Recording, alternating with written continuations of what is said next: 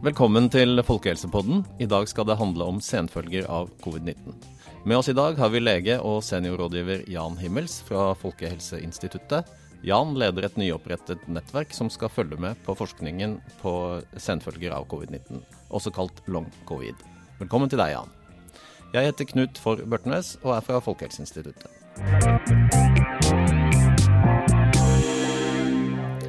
Først, Jan. Hva, er, hva eh, regnes som senfølger av covid-19?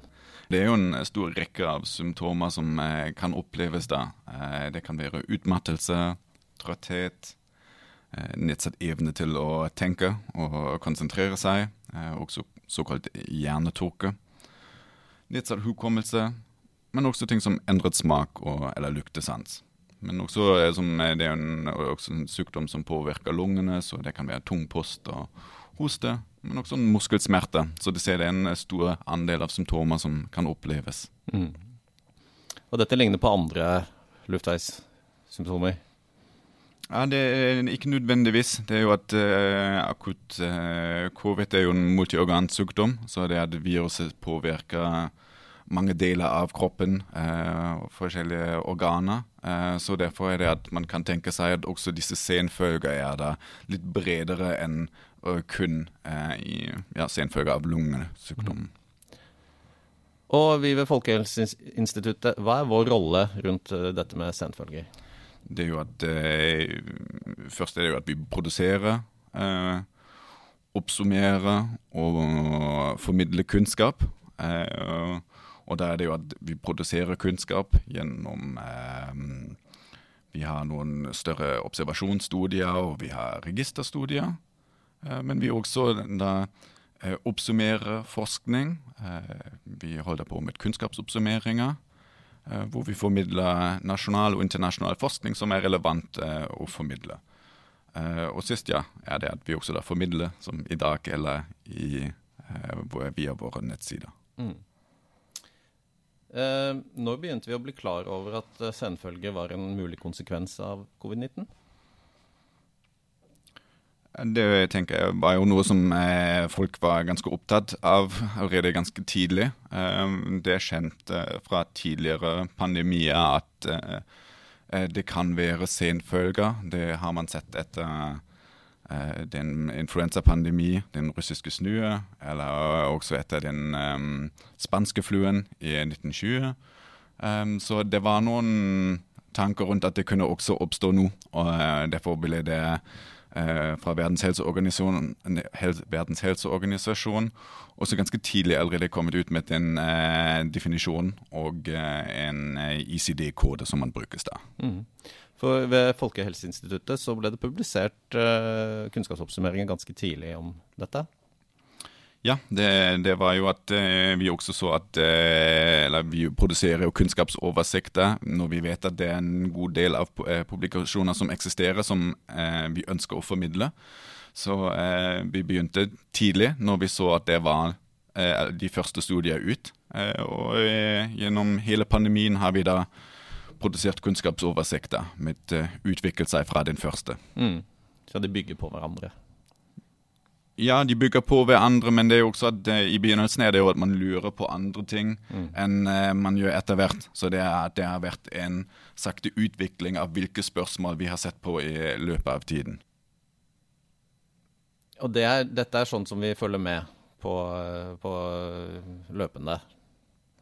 Ja, det, det, er jo at vi, eh, vi følger med. Eh, det betyr at vi eh, ser hva som publiseres, og at eh, vi ser hva som eh, blir omtalt av andre forskere. og um, og når, vi tenker, når det har gått litt tid, er det jo at det, det, tar jo litt tid å produsere god kunnskap. Så er det ikke at man kan holde på med kunnskaps, eh, en kunnskapsoppsummering hver uke. Mm. Men at i, etter det har gått noen måneder, og for våre oppdateringer har det vanligvis vært rundt seks måneder mellom. Ja, så to i halvår, eller to i Ja, det har, ja mm. minst det før var det sånn. Ja. Så nå har dere jo fulgt med med disse kunnskapsoversiktene over, eh, over tid. Um, hva har dere kommet fram til? Det var en utvikling. I begynnelsen har vi jo sett på eh, hvilke senfølger finnes, eh, hvem rapporterer senfølger, hvilke senfølger er mest hyppig, og hvor lenge eh, opplever personer symptomer. Og eh, I den siste oppsummeringen har vi også sett på om man kan sammenligne senfølger etter covid med senfølger etter andre luftveisinfeksjoner. Um, noe som vi har funnet, er jo at eh, de fleste de blir friske med tid. Men eh, vi har også sett at de alvorlighetsgraden av covid-19 eh, påvirker antall av symptomer og lengden. Så det er når vi eh, Pasienter som har vært innlagt på sykehus eller som har fått intensivbehandling, er de som eh, har eh, høyere risiko for senfølger. Um, og når vi sammenligner eh, covid-19 med sammenlignbare andre luftveisinfeksjoner. Så hvis f.eks. en person som har hatt covid og var innlagt på sykehus, med en annen person som var innlagt eh, på sykehus med eh, influensa eller en annen eh, alvorlig luftveisinfeksjon. At vi har sett på at det er noen sammenlignbare senfølger i etterkant. Så at også å ha vært syk i seg selv, at det virker som det kan føre til senfølger. Vet vi noe om forekomsten, og hvor mange som får eh, senfølger? Uh, nei, det, det, vet vi ikke. Det er, um, det er, noen studier som har sett på forekomsten, men det er en god del variasjon blant disse studiene, avhengig av uh, hva de har sett på, eh, hvilken definisjon de har brukt, og hvordan de har målt det. Så det er ganske sprikende tall. Så, så det, er, det er egentlig usikkert? Ja, det kan man si.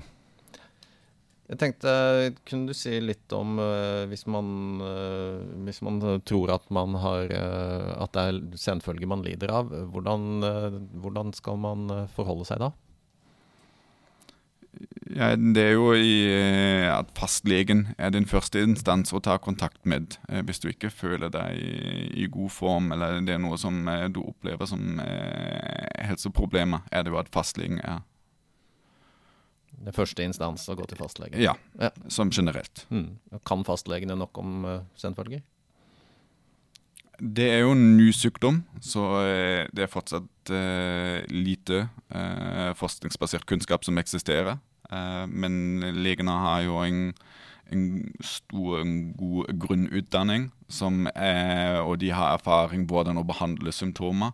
Og de har jo en kan de bruke deres klinisk skjønn for eh, å behandle pasientene. Men også er det jo at eh, de kan henvise pasienten videre. Det er jo fint at, eh, at, eh, de fleste blir friske, Jan. Men hva med de som ikke blir friske etter, eh, med sine senfølger etter covid-19?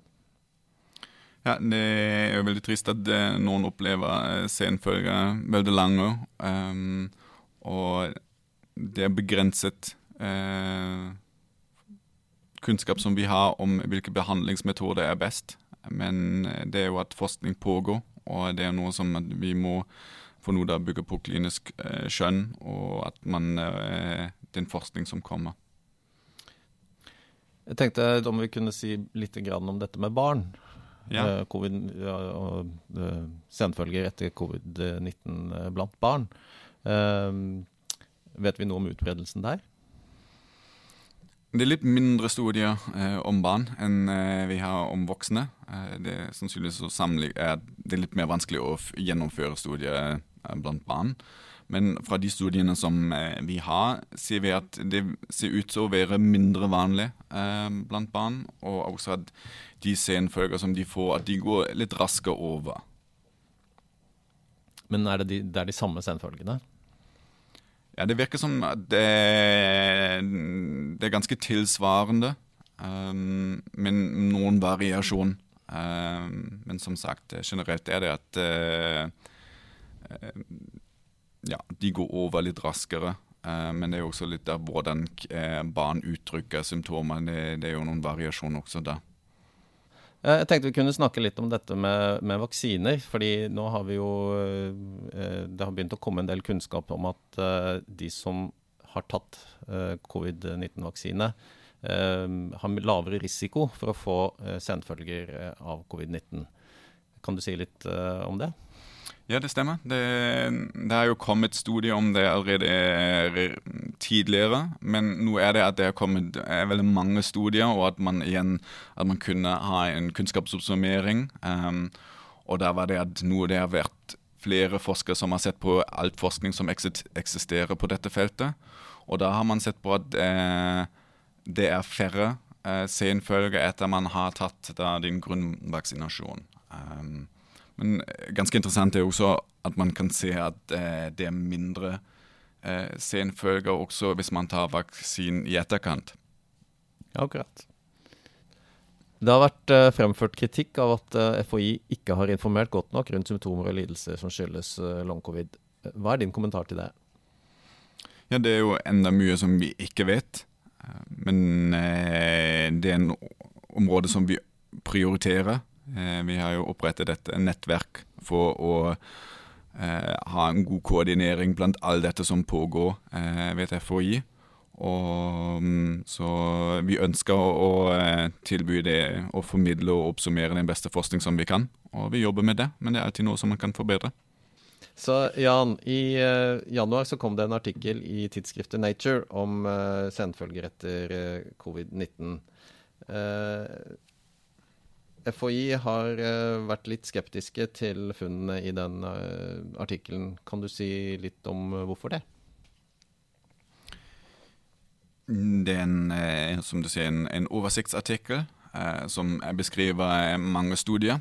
Men det er ikke beskrevet en metodikk av hvordan man har kommet fram til å finne disse studiene.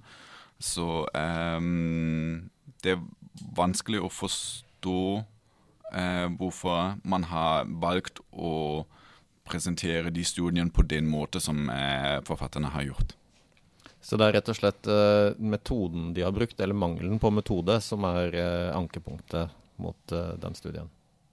Ja, det er noe som vi gjør forskjellig i våre oversikter. Og alle de oversikter som vi skriver, er systematiske oversikter. Det betyr at vi beskriver vår metodikk og vår tilnærming av hvordan vi finner de studiene og hvordan vi oppsummerer dem. Så det er egentlig, hvis du ønsker, kan du gjennomføre de hjemme hos deg.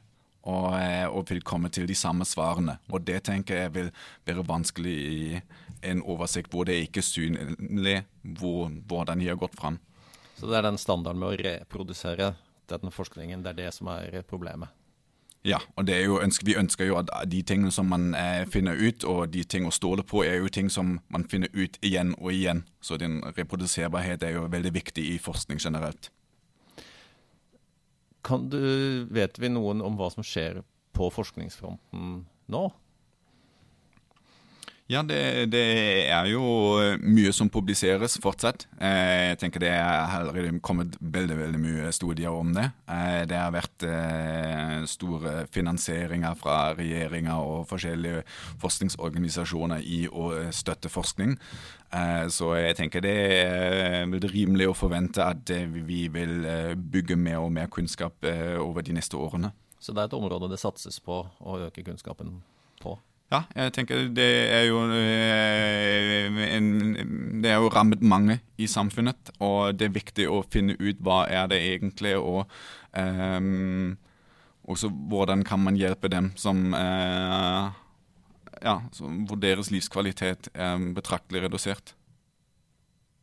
Takk, Jan. Vi um det høres eh, jo ut som det skjer ting eh, på forskningsfronten når det gjelder senfølger av, eh, av etter covid-19.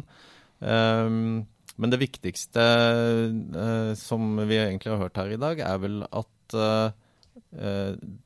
det er en stor sjanse for at man blir frisk. Ja, det tenker jeg, det har vi funnet ut at de fleste blir friske etter hvert. Og at det er alvorlig for de som rammes, og at det er viktig at man også der finner fram uh, hvordan de kan få din beste behandling, så at uh, Ja. Tusen takk for det. Da sier vi takk for oss og Folkehelsepodden for denne gang. Vi har hørt lege og seniorrådgiver Jan Himmels fortelle om senfølger av covid-19, og du kan finne mer om dette temaet på våre nettsider på foi.no.